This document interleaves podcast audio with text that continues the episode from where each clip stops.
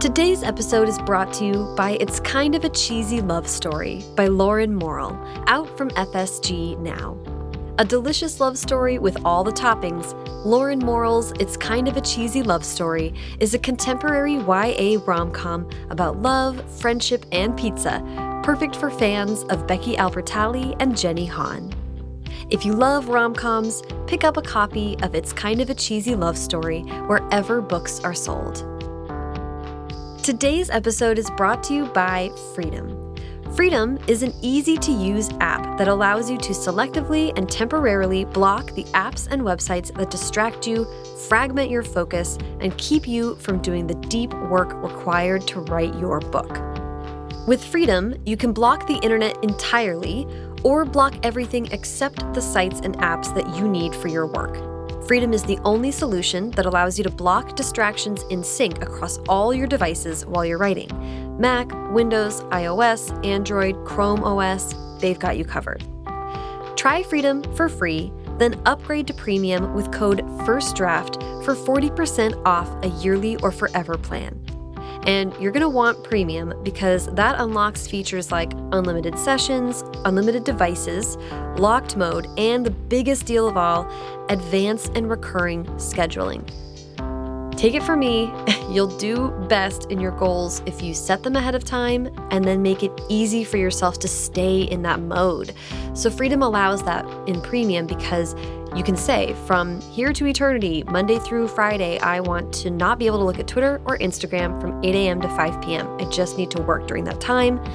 And because Freedom works with those unlimited sessions and across unlimited devices, you can't just, you know, discreetly turn from your laptop to your phone as the workaround to secretly be on Twitter. It prevents you from falling back into your worst habits because you can set it up ahead of time and then you just kind of ease into your sense of flow and, and the weight of Twitter is off you because you know you can't go there. And with Premium, you get access to Freedom perks, which include discounts on other great products that writers love, like Scrivener and Caveday, and other great resources and tools. Research shows that with every digital distraction from your state of deep flow, it takes 23 minutes to get back there. 23 minutes. That's an entire sitcom. Um, that's a lot of time. So, since freedom prevents you from getting distracted in the first place, its users report that they gain an average of two and a half hours of productive time every day.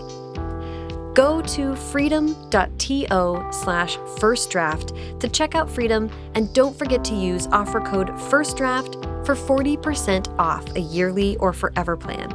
That's freedom.to slash firstdraft, offer code FIRSTDRAFT.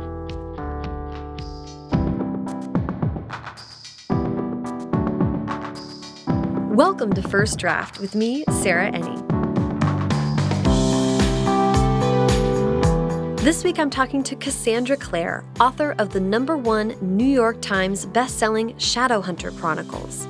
She is also the co author of the best selling fantasy series Magisterium with Holly Black.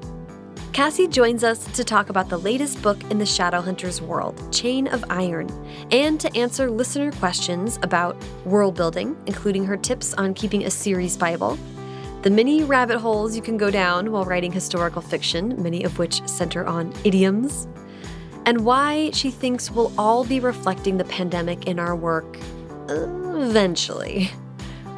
If you'd like to support First Draft, a quick and easy way to do that is by subscribing to the podcast wherever you're listening right now, and by leaving a rating or review on Apple Podcasts. You can also go to the website, firstdraftpod.com, to check out the show notes for this episode, which has links to all the books that Cassie and I talked about. First Draft is an affiliate of bookshop.org, so when you shop through the links on the website, it helps to support the show and independent bookstores at no additional cost to you. The very best way to support First Draft while also getting tons of great bonus content is to sign up for the First Draft newsletter. There's a free monthly newsletter where you will get updated on recent episodes and hear about upcoming events. And for just $5 a month, there's a weekly newsletter where every Friday, subscribers will get exclusive interviews, publishing industry analysis, writing tips, and more in their inbox. That's information useful for no matter where you are at in your writing journey. For example, this week includes an exclusive interview with Benjamin Dreyer, managing editor and copy chief of Random House, and New York Times bestselling author of Dreyer's English, an utterly correct guide to clarity and style. Sign up at firstdraftpod.substack.com or find the link on the website firstdraftpod.com. Okay, now, please sit back, relax, and enjoy my conversation with Cassandra Clare. Hi, Cassie. How are you today? I'm good. How are you, Sarah? I'm doing well. It's almost exactly a year since we were able to chat in the Simon and Schuster offices in person. I know. So much has changed. So much has changed. I'm so excited to talk about continuing on with the new series in the Shadowhunters world. Do you mind just giving us the pitch for this book? Not at all. I'm a big lover of historical fiction myself, and so this takes the Shadowhunters back to the time period of Edwardian England with gas lamps and carriages, beautiful dresses, and of course the demon battling that we're all used to from the Shadowhunter books. And it's just centers on a girl named Cordelia Carstairs who comes to London in the belief that her family needs her to marry to save the family reputation.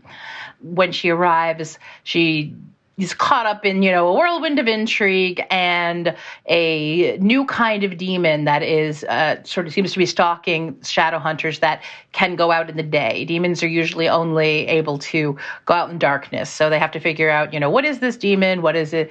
You know is someone controlling it? Is you know why is it after the shadow hunters and at the meantime of course cordelia has to sort out her own complicated life. Yes always a lot of interpersonal fun drama to get swept up in, which uh, these are your books, particularly, and these books I'm talking about. Big, thick, beautiful books have been so helpful to me over quarantine and just kind of escaping and getting into other worlds. So, so excited to dive into this one. I do want to talk about we have some amazing questions from listeners who really sent us some awesome stuff. The question that leapt out at me and it sort of leads us into some of the questions that listeners had was this is a massive book. And as we just talked about, you and I chatted one year ago about another massive book. I just want to know how timing for writing all of these books works in your schedule. Did you really write this within one year, or are you working on things five years in the future? What does it look like on your end? No, it really is. I'm writing them in about a year because just given my schedule, I don't have more time than that to, you know, to do it. My my father Oh, who was a business professor, always used to say to me, work expands to fill the time you give it, which is probably somewhat true. And I don't know what it would mean if I had, you know, three years. I don't know if it would, you know, I often think, oh, it would be so great. I would have so much more time to research, but I know myself and I wonder if I wouldn't spend time researching things that would never show up in the books.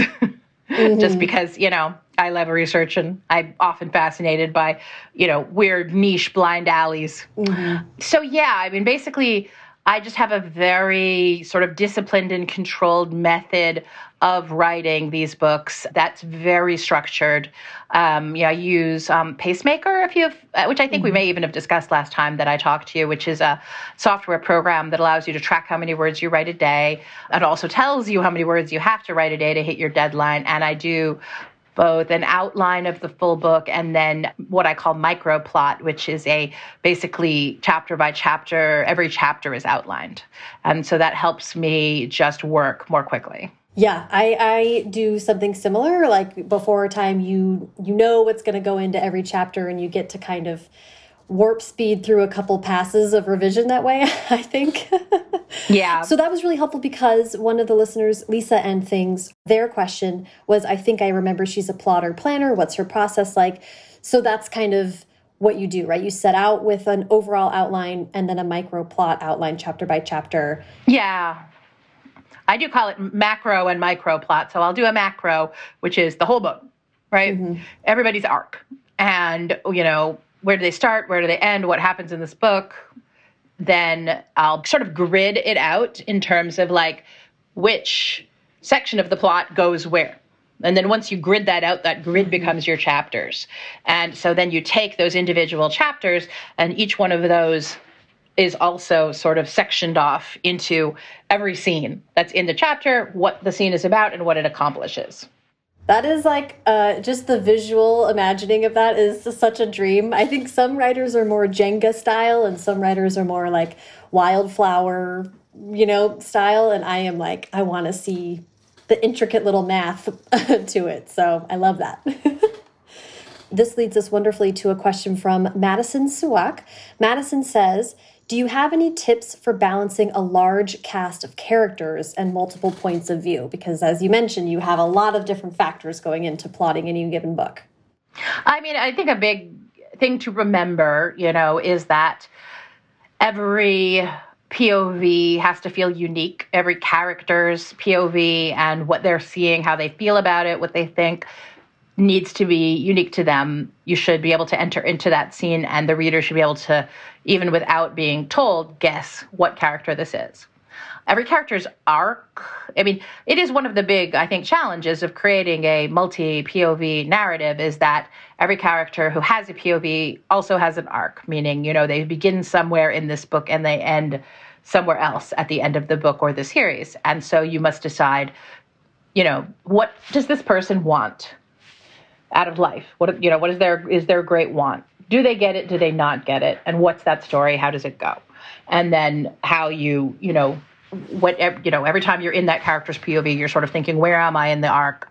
You know, where where is my character? Are, is this a scene in which they triumph? Is this a scene in which they're frustrated? Is this a scene in which they learn new information?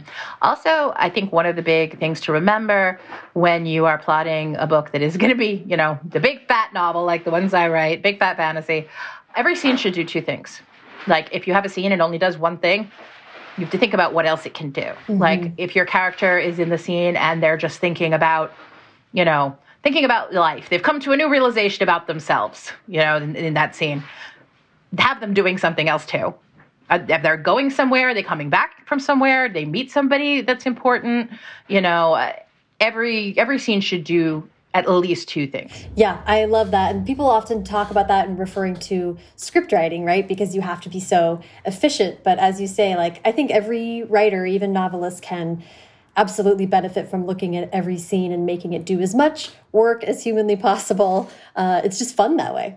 Yeah, yeah, it is. And I think, you know, it actually, you know, we, we, we sometimes can you know get caught up in the one thing and we forget that reader the readers are absorbing several layers of story as they go. Yeah, absolutely. The you know when when we talk about multiple points of view as well and as you said differentiating between those characters, the other thing you're doing is because it's historical and it's set in the in the past, there's a very specific kind of different language or or you know your dialogue has to play with those kinds of restrictions. So how do you make them unique within that context? Oh my god. Uh, know, I mean, it's funny because, you know, these are books that are both historical and also set in England, which is not my, you know, primary uh, culture and mm-hmm. not my primary form of English. So I have what I call a Brit picker. and her name her name is Clary, she's an old friend of mine, and so she reads over the dialogue. And it is interesting because there are pieces of dialogue we don't there that are both Sometimes I'm surprised that something that I think of as fairly modern did exist back then and people said it. Mm. And so then I know that I can fairly include it. And then there are times where I am saddened that something I thought was actually, you know, a saying that's gone back for a long time isn't and is fairly modern and I have to get rid of it. I there's a there's a scene in which they're talking about um, you know the, the the merry thieves the boys in the, the book are talking about their friends and one of them says you know it's your job it's the job of a friend to you know get another friend out of trouble when everything goes pear-shaped. And then as i was writing it i thought i have to research the term pear-shaped. Does that did people say that back then? You know no the answer is they didn't. It developed didn't. it developed during world war ii and was a description of the trail left behind by a fighter jet that was incorrectly executing a maneuver. Wow. Right. Totally weird. I know, but I had to change it. I was so mad. that well, as you talk about researching and blind alleys, I think idioms are one of the most fascinating. Like you could just go go down that rabbit hole forever. Right, but like you you totally could, and uh, it is totally fascinating, but you do have to check yourself pretty regularly. Like when you're looking at it, there was another thing where um, there is a character, and I said he felt it like a bolt of electricity. And then I thought, well, okay, would electricity be something that was widely known enough for him to think and compare his feeling to the feeling of electricity? And I had to go back into things written in that time period, and the answer was yes. I was actually surprised, so I, I was able to leave that. So I think it's um, when you're writing historical, it's one of those things. It's a commitment. Like you're really mm-hmm. looking at every mm-hmm. sentence. Yeah, yeah, absolutely. Um, I love that. Okay, well, thank you for speaking to that. Um, oh, well, while we're on plot, Ren Flo wanted to know how do you plan out your plot twists when outlining? You know, I'm, I'm interested in how you balance what you're doing plot wise with what the reader knows and thinking about all those things. Well, right, because your reader can't know, but at the same time, you cannot blindside them with something that no one could ever have guessed because it's so bizarre. so right. it has to feel seated in the story as it has been told so that when they are given the twist, they're like, oh, yeah. Right? Like, think about Sixth Sense, mm-hmm. one of the great twist movies. And when you find out that twist at the end, I'm sorry for anyone who hasn't seen The Sixth Sense. It has been 20 years. I don't want to ruin it for you, but I'm gonna. um, when you find out the end that Bruce Willis is dead, you look back on every moment and remember the things that were clues that were telling you. Mm-hmm. And imagine that movie if there was none of that. It wouldn't work at all, right? You get to the end and you're like, I have no idea that that guy was dead because absolutely nothing in this movie ever indicated that he could pot that that was even a possibility. Right. So uh, I think you have to you have to seat your twist in the world as it exists in the in the novel and and the both the world building of the world, the characters, and the plot.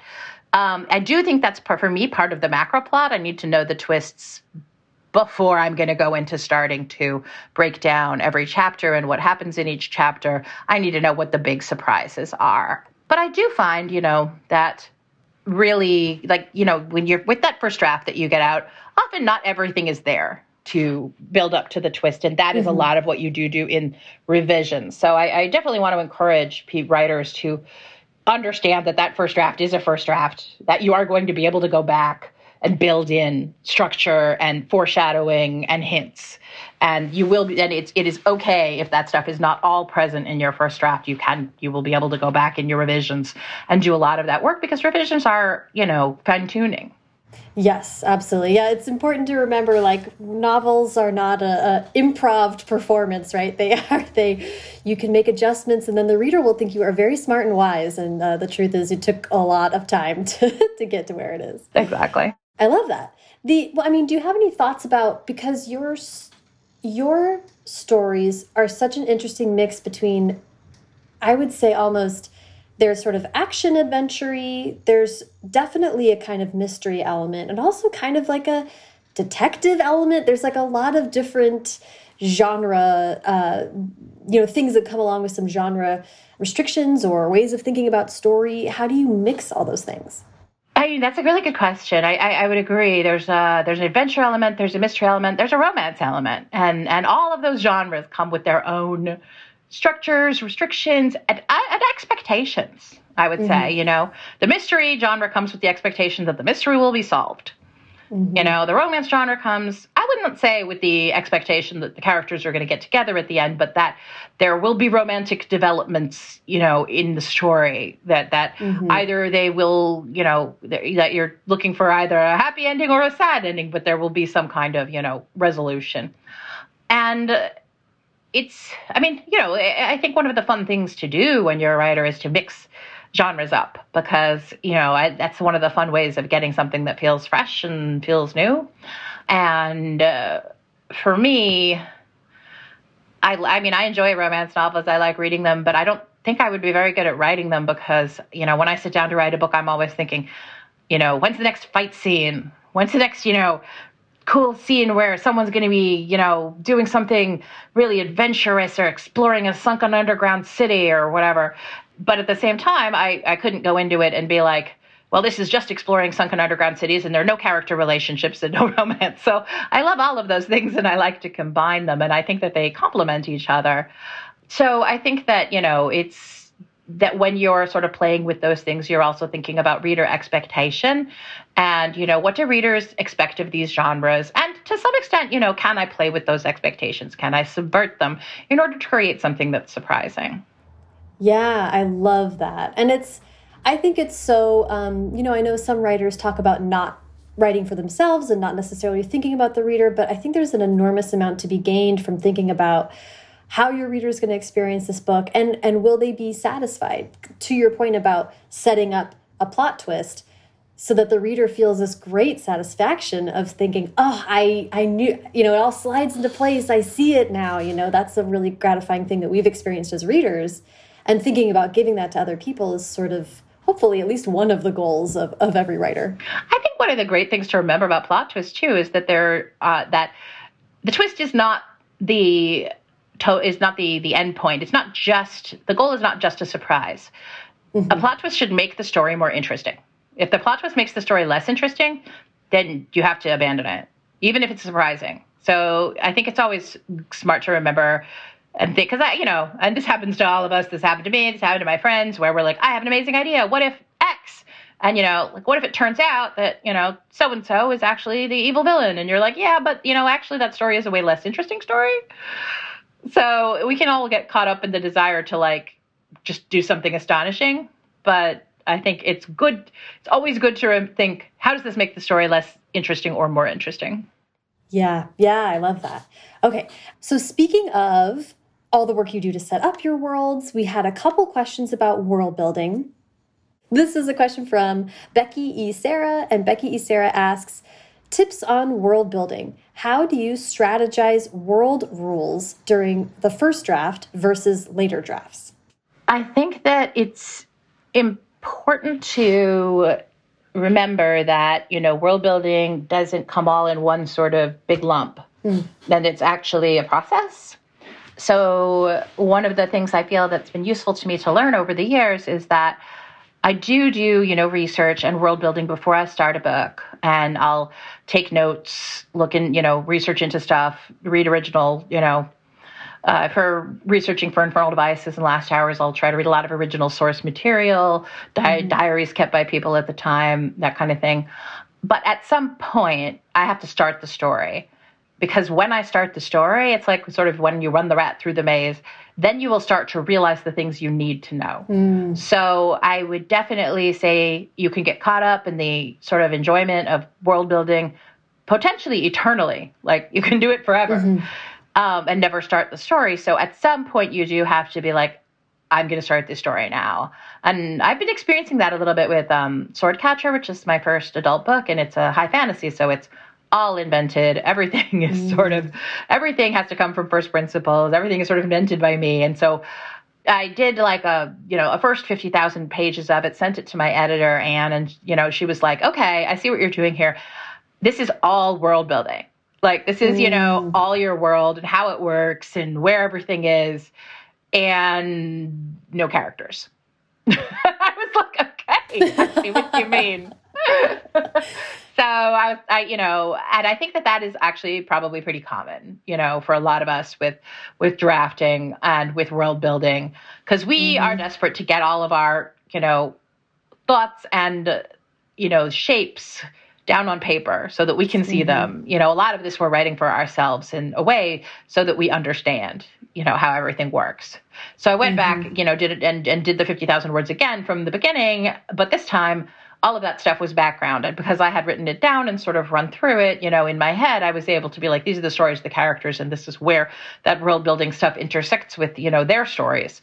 But it isn't it isn't the story itself. So I would say, you know, often I'll do four months of world building and research and then start. And I think, you know, obviously that depends on your own personal process. But when you find yourself filling notebook after notebook after notebook with notes about your characters' backstories and stuff about you know wheat production in your imaginary land.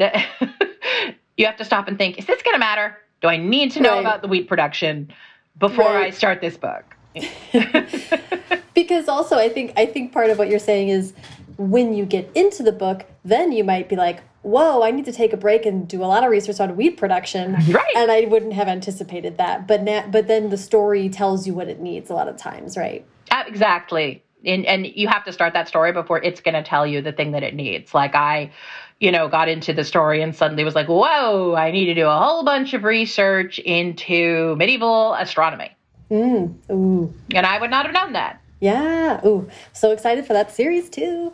Um, yeah, that's that's great, especially because her question was, or their their question was, yeah, strategizing for first draft versus later drafts. And again, kind of what you said earlier, once you're in the book, you can change it. You can redo what you need to do, and it'll sort of. And then you get really into the problem solving part of being an author, which is a whole other fun oh, and no. intense. yes, it's it's the part where being a writer crosses over with being a researcher and a historian and a scientist and all of the other things. Everything your characters are interested in is stuff you're going to have to become an expert on. Yeah. Yeah. Oh my gosh. um, amazing. Um, okay, let's see. We had another. Oh, yes. This question was uh, this question is from Storybook Pages. And they would like to know Has your story Bible slash series Bible method changed much over the years? So, first, can you just tell us about story Bibles? And then I'd love to hear about your process and how it has changed over your career. I mean, a story Bible for most people is something that usually I associate with a with a series at least, you know, not usually for one book, but at least, you know, like a trilogy. And for a long running series, definitely something you need. Um, and I would say and it, it generally contains the facts about your world.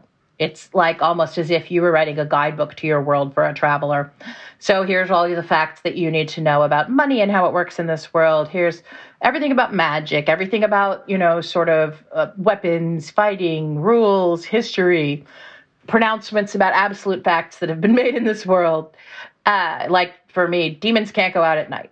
You know, right, thing you right. need to know um, if you're going to break that rule, then you have to break it with the knowledge that it's a thing that, as far as the characters are concerned, could never happen. So uh, I definitely have a story Bible. That you know, of course, at this point. um, but uh, it, it's changed a lot since I first started, which I didn't have really have a story Bible at all. I had like you know notes, a big mm-hmm. like folder called miscellaneous, full of notes that I had taken, and it was very messy and so as I went on with the Shadowhunter books, by the time I got to probably City of Glass, I thought I need a like more organized method of doing this. So I got, you know, like a big ring binder and started, you know, sort of printing out the notes, basically taking the notes, sorting them into different, you know, categories, and then printing them out, putting them in the ring binder after a while that became extremely cumbersome because you're still flipping real pages and there's no search function mm, right so yes. i got oh, an gosh. assistant um, who i still have i love my assistant and one our first project was digitize this story bible and mm-hmm. so we created sort of a digitized version that contains searchable the searchable text of all the books and then sections devoted just to things like history in-world rules and laws exceptions to in-world rules and laws, magic system, how it works, different kinds of downworlders, their culture, everything about them. So it's a massive undertaking, um, and it's really useful to have. And I've always joked, you know, uh, I, back when it was a ring binder, I used to joke like someday somebody would steal it, and then I would have no idea what was going on in my books. But now that it's digitized, I feel safer. It belongs to the cloud. Yeah, that's and and I love that. That's actually a great way for someone to think about developing their own. All the text of the books within there as well, and then I mean, for you, you have a whole index of runes, I'm sure, and all that. Um, oh yeah, which is would be so necessary. Then you almost need like a paralegal to be the assistant on that kind of thing. It's all the all footnotes and, and all that technical stuff, which is great. Yeah, I love that. And and and I do and it really is really important. Like, get yourself a searchable text of your books. Yes. Yes. Um, love that. Okay, awesome. For anyone writing series, that is definitely hugely helpful. This episode is brought to you by It's Kind of a Cheesy Love Story by Lauren Morrill, which is out from FSG now.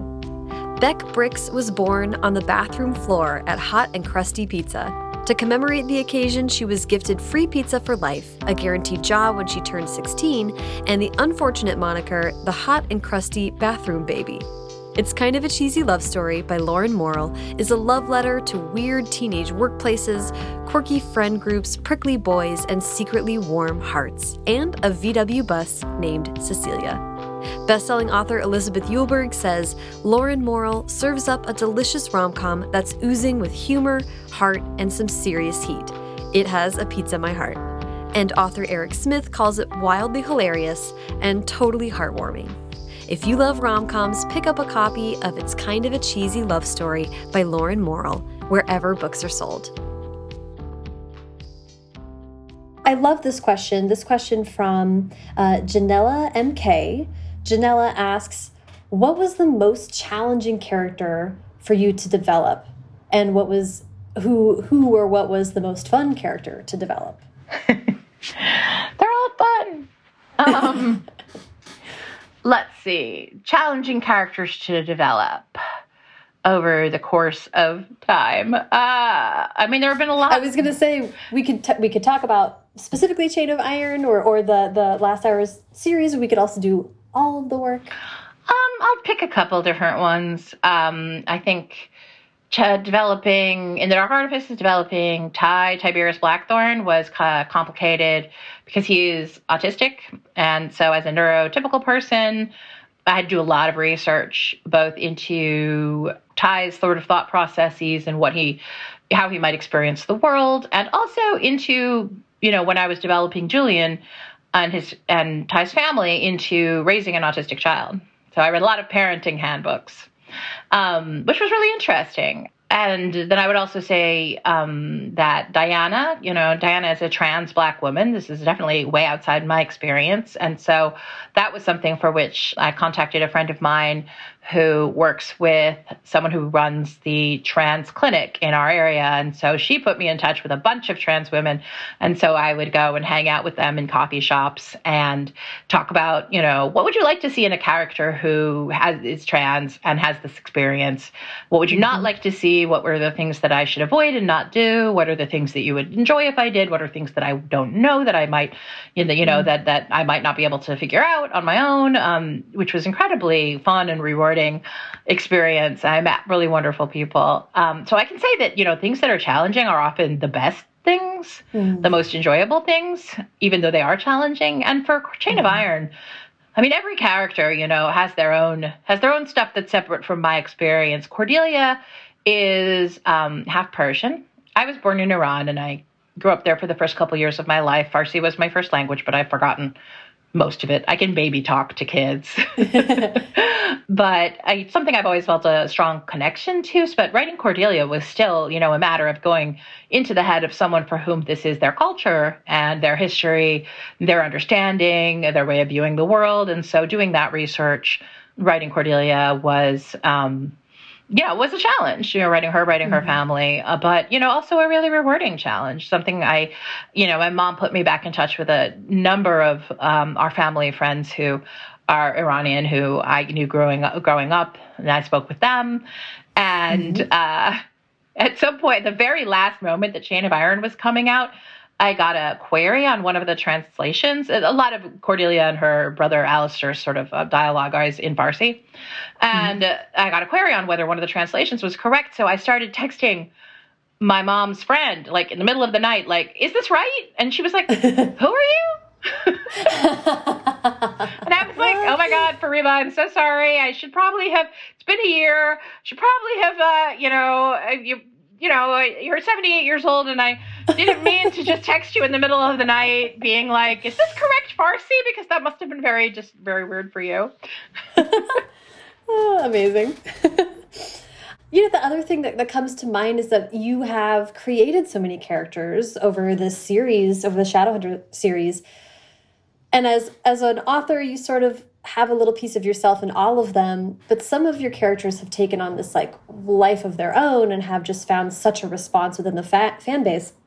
You know, uh, uh, Magnus comes to mind, of course, and a few other characters that people just are really connected to. I'm just curious about what it feels like to have one one character or other. Is it unexpected? Do you ever have a sense like, oh, I think that the fans will really respond to this character, or do how do you think about that?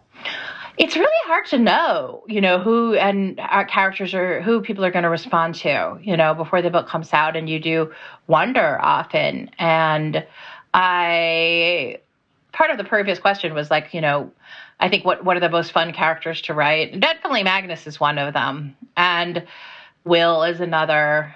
You know, there are just certain characters that are kind of just very pleasurable to write, and I think Magnus is because he's so confident in himself you mm-hmm. know and he he's he's very funny he's very sarcastic but he's also he's he's kind of settled into who he is and he's very confident about who he is he does and i think that that is an interesting thing that that has that that was something that was so compelling to a lot of people and i think mm-hmm. the fact that magnus you know has this you know, uh, unusual, artistic, bohemian, and queer identity, and is completely like confident and at home with himself was was something that people really did respond to and i was really happy to see that. You know people also connect to alec who is more definitely we watch him progress from being very unsure and insecure with himself to being more confident. And i think you know there are people all along the spectrum of confidence and security and where they are you know in their self identity that connect to different parts of Magnus or different parts of Alec, but it's and, and it is it's really rewarding and I and I think that it is often unexpected with Chain of Iron. I mean, I think one of the characters I've gotten the strongest response to is Matthew Fairchild, who is very flawed character. Like this is a guy who has made some mistakes, and those mistakes are big, big mistakes. Not small, big. Uh, he is um, an addict. He's a he's an alcoholic, but people responded to him extremely strongly. That they love him, they want him to be okay. And I think mm-hmm. that you mm-hmm. know there's something about someone who has made mistakes that is something. And that like when when the book was coming out, I thought I don't know maybe people really will hate him because you know they'll feel like they blame him, you know, for the choices he's made. That you know he's you know a character they won't like, but that didn't really happen. And I think that there's something about characters who have made mistakes that people respond to because we all do make mistakes. And characters don't necessarily need to be more perfect than people who are alive. Yes, I would very much agree with that you know, the Shadowhunter series has taken us all through sort of intergenerational. We follow characters over time and their uh, lineage and the history of that world. I wonder when it comes to people's responses to these characters, you know, you have the opportunity to kind of take the story wherever you want to go, wherever is interesting for you. But do you take in mind what people are really responding to and who people are really responding to as far as who you want to focus on in future series?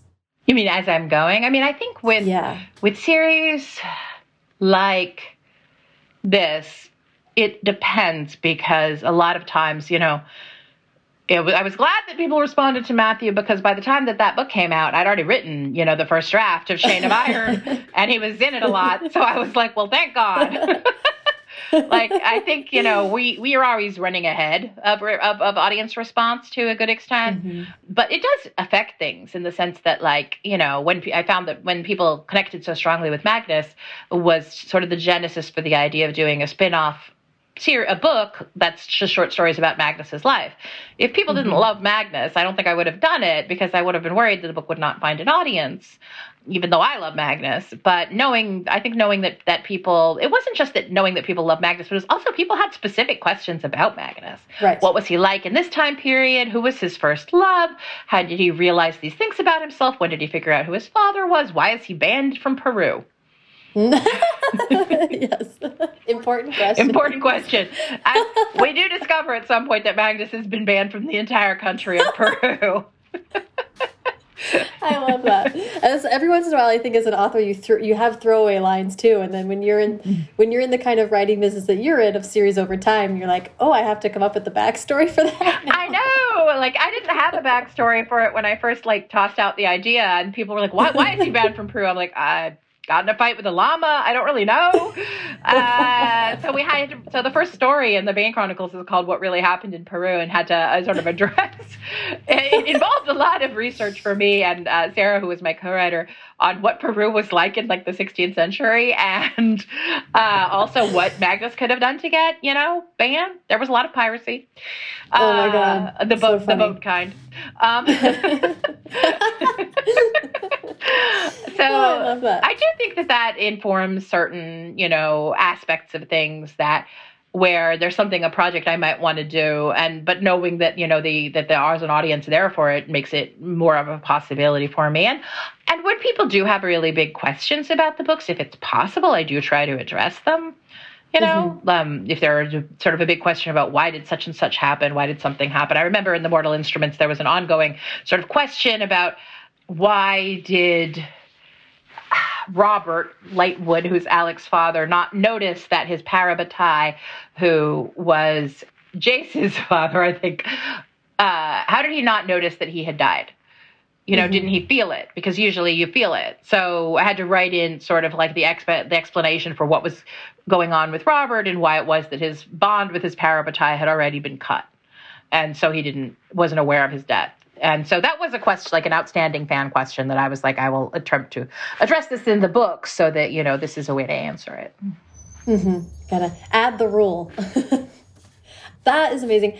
I do want to ask about um i'm trying to make sure that i think we got to all the fan oh well here's one and and it's this is a kind of a funny question to ask you. We'll see if it makes sense or or or because it's about writing fiction that draws on your own life. I mean, we are okay. talking about high fantasy, and so sure. there's obviously some diversions from real life in, in your series. But C.H.M. King wanted to know how do you handle sharing a fiction book that draws from your own life? And I, you know, particularly, I would love to ask when you have a fandom to to the extent that you have a fandom also people are curious about you and then you I'd love to know how you kind of protect your privacy and how you think about interacting with fans but maintaining your uh, role as an author and your role as a person. Yeah, that is an interesting sort of tripartite question. uh, let me. All right, I'll, t- I'll take the initial part, which is how do you handle sort of writing fictionalized versions of things that have happened in your own life. Um, I mean, I think that no one, you know, no one, keep in mind, no one reading the book knows what happened to you and what didn't. You know, if something does draw on your own personal experience, they're not going to immediately know that, you know, mm. so don't feel exposed. You know, they don't know if you're type this is about you or if you made this up or if this is based on a friend's experience. You know, it could be any of those things. Mm-hmm. Um, and I think that we, you know, no matter what we're writing, we do draw on our own experience. Everything is us. All like, you mm-hmm. know, people will say to me, you know, which of the characters is most like you? And I'm like, well, they're all me, you know, to some extent. Right. they, all live, right. they all live in my head. Um, yeah. so, uh, uh, so that first thing I would I would encourage you to draw on your own experience. I think that that's where we find a lot of you know truth about about human relationships. I just got sent my my best friend Holly Black her her new adult book. I'm not going to tell you anything about it, but I got sent the first draft and I was reading. I burst out laughing because it had a ton of stuff about putting on makeup in it. And Holly, you know, we're all doing stuff in quarantine. Holly spent the last six months putting on makeup and like learning how to apply eyeshadow. And I was like, I see that your intense personal research into eyeshadow has made it into your That's amazing. But I would never know that if I was not her friend. And it would completely right. go by me as a neat character note about this character.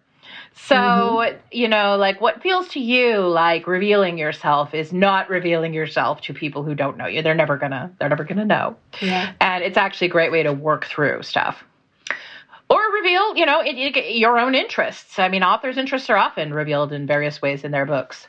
So, mm-hmm. um, that so that's that's thing one. And then you also asked me sort of how i mean i think it's an interesting question like how do you balance like sort of talking about yourself and talking mm-hmm. about your books with fandom?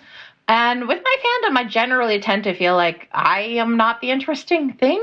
The books are the interesting thing. Um, you know so i try to center them as much as possible I, I, mm-hmm. you know, like I, I, there have been times I've posted personal essays, so you know, I try to be, you know, very, you know, be frank with my fans. But I do generally tend to feel like, you know, what you're interested in here is the characters, or what you're interested in here is the book. So what mm-hmm. I can mm-hmm. share with you is pieces of information about these characters, bits of backstory, trivia. A lot of times they'll be, you know, if it's a holiday, they'll ask me how the characters are celebrating the holiday, you know. So I'll tell them like what I think is happening, whether they're, you know, whether they're fans of different music, that kind of thing. it's really funny.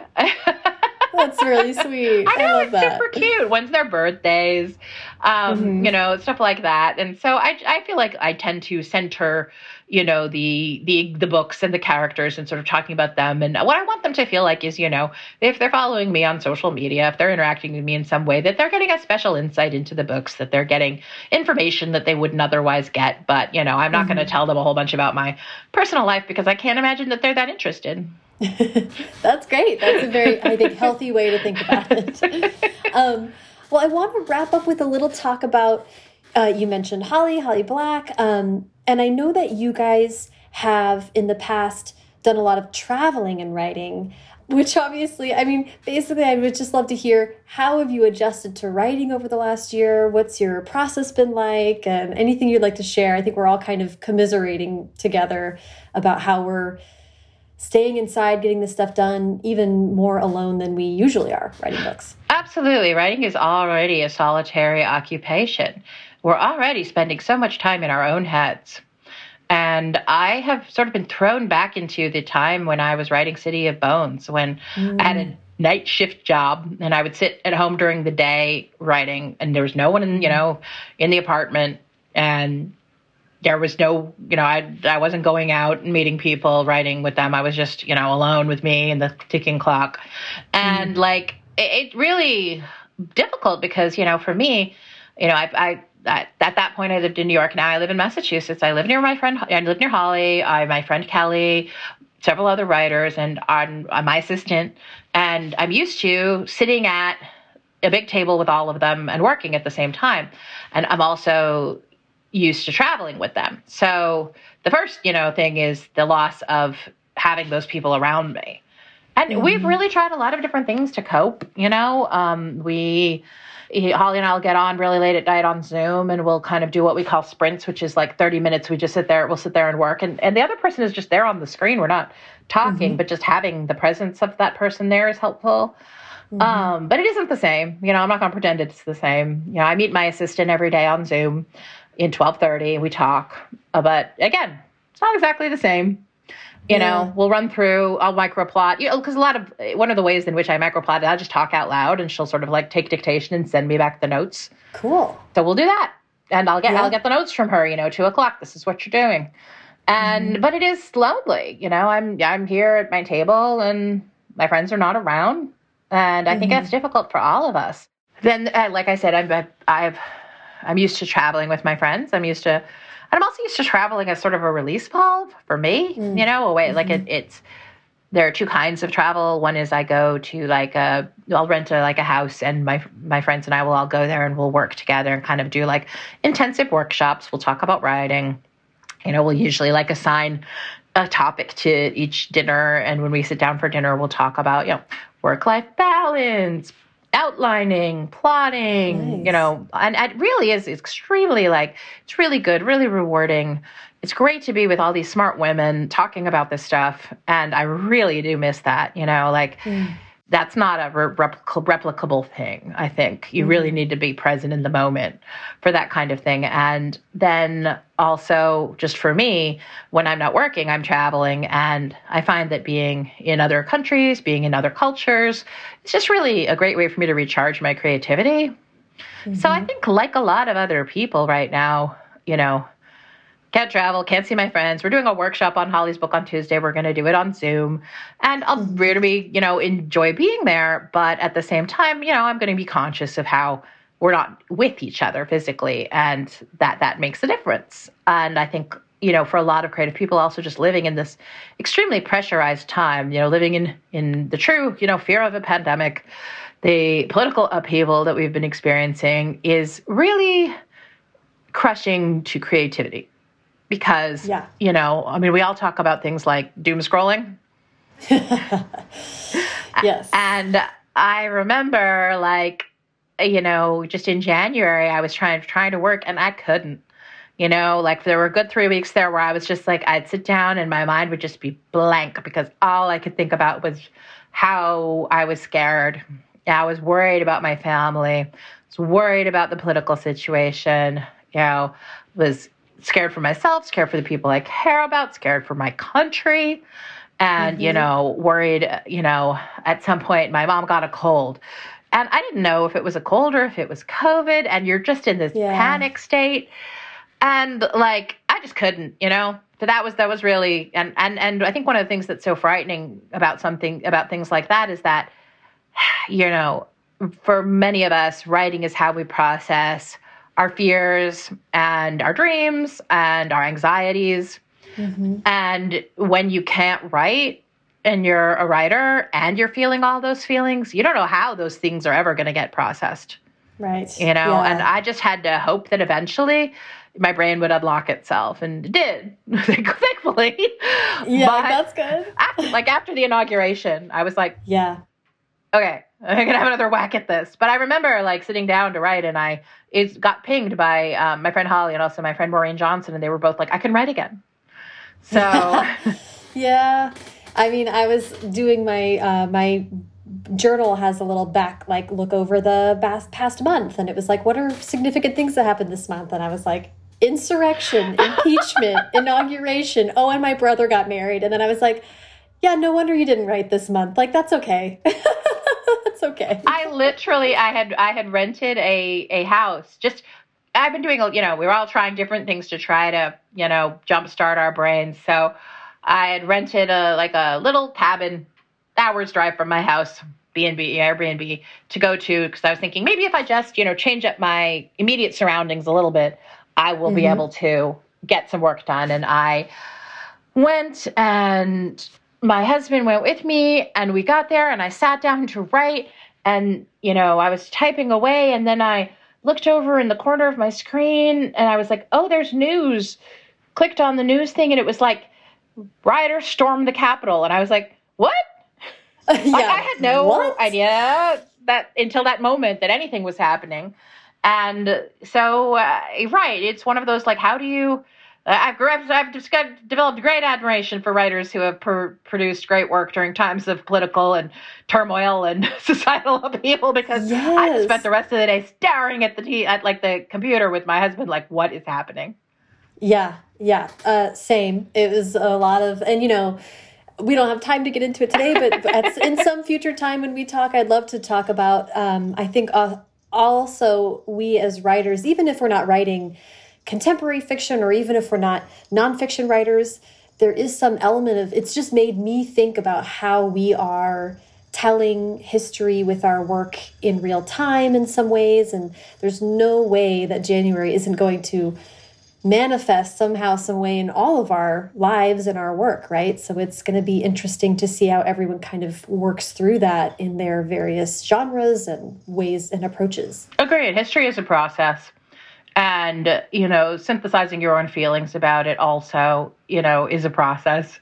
And I think yeah. we're all going to be putting a lot of just what's happened this past year into our work, but not immediately. I, you know, I've seen it, and I know we we have limited time. I would love to talk to you more about this at some point, but you know, I've seen a lot of articles that are like, why is there not more COVID poetry and fiction and TV shows? And I'm like, because people need to process this stuff, man. We, yeah. you don't know how to feel when you're in the middle of it. You know? Yeah. Exactly. you need to and find a landing place. Right? And people who I, I've seen those articles too, and I'm like, I understand that some people are really desperate for that. But like when I saw that Grey's Anatomy was going to incorporate COVID, I was like, no, I, I don't want to watch people wear masks. I'm like, no, later we can do, but right now I just want.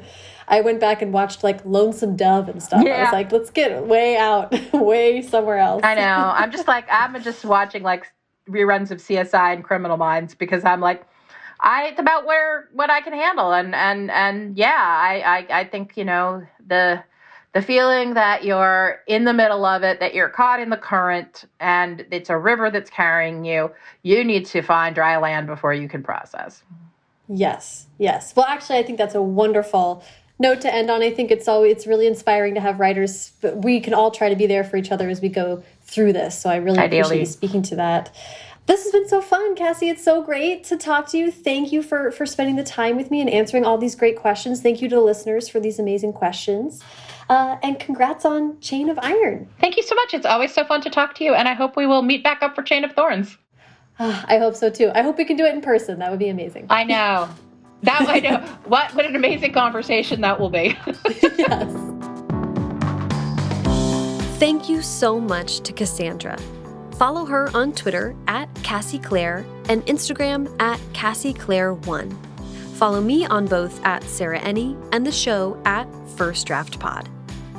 This episode was brought to you by our sponsor, It's Kind of a Cheesy Love Story by Lauren Morrill, out from FSG now and our sponsor, Freedom, the easy to use app that allows you to selectively and temporarily block distracting apps and websites so you can write. Go to freedom.to slash firstdraft to check out Freedom and don't forget to use offer code FIRSTDRAFT for 40% off a yearly or forever plan. As I mentioned at the top of the show, leaving a rating or review on Apple Podcasts is just one of the best and easiest ways that you can support the show, and it helps new listeners find us as well. I'm going to read a recent review that was left now. This was left by author Marissa Ray Dondlinger. Marissa says, Great podcast. Love this podcast. Listen every week, and it's given me inspiration while writing. Your Track Changes newsletter was also very helpful. Would love more adult authors, commercial, literary, any genre, really. Thanks. Thank you, Marissa. That is great to hear that feedback. I love adult literary and uh, nonfiction and all that stuff. So um, it's great to hear that other people are interested in hearing from those writers as well. Um, I love any kind of feedback. I hear from all the people asking for middle grade writers as well. So um, that's definitely in my mind when I'm looking for people to bring on the show. So thank you, Marissa. First Draft is produced by me, Sarah Enni. Today's episode was produced and sound designed by Callie Wright. The theme music is by Dan Bailey, and the logo was designed by Colin Keith. Thanks to social media director Jennifer Nkosi and transcriptionist at large Julie Anderson. And as ever, thanks to you, vengeful Peruvian llamas, for listening.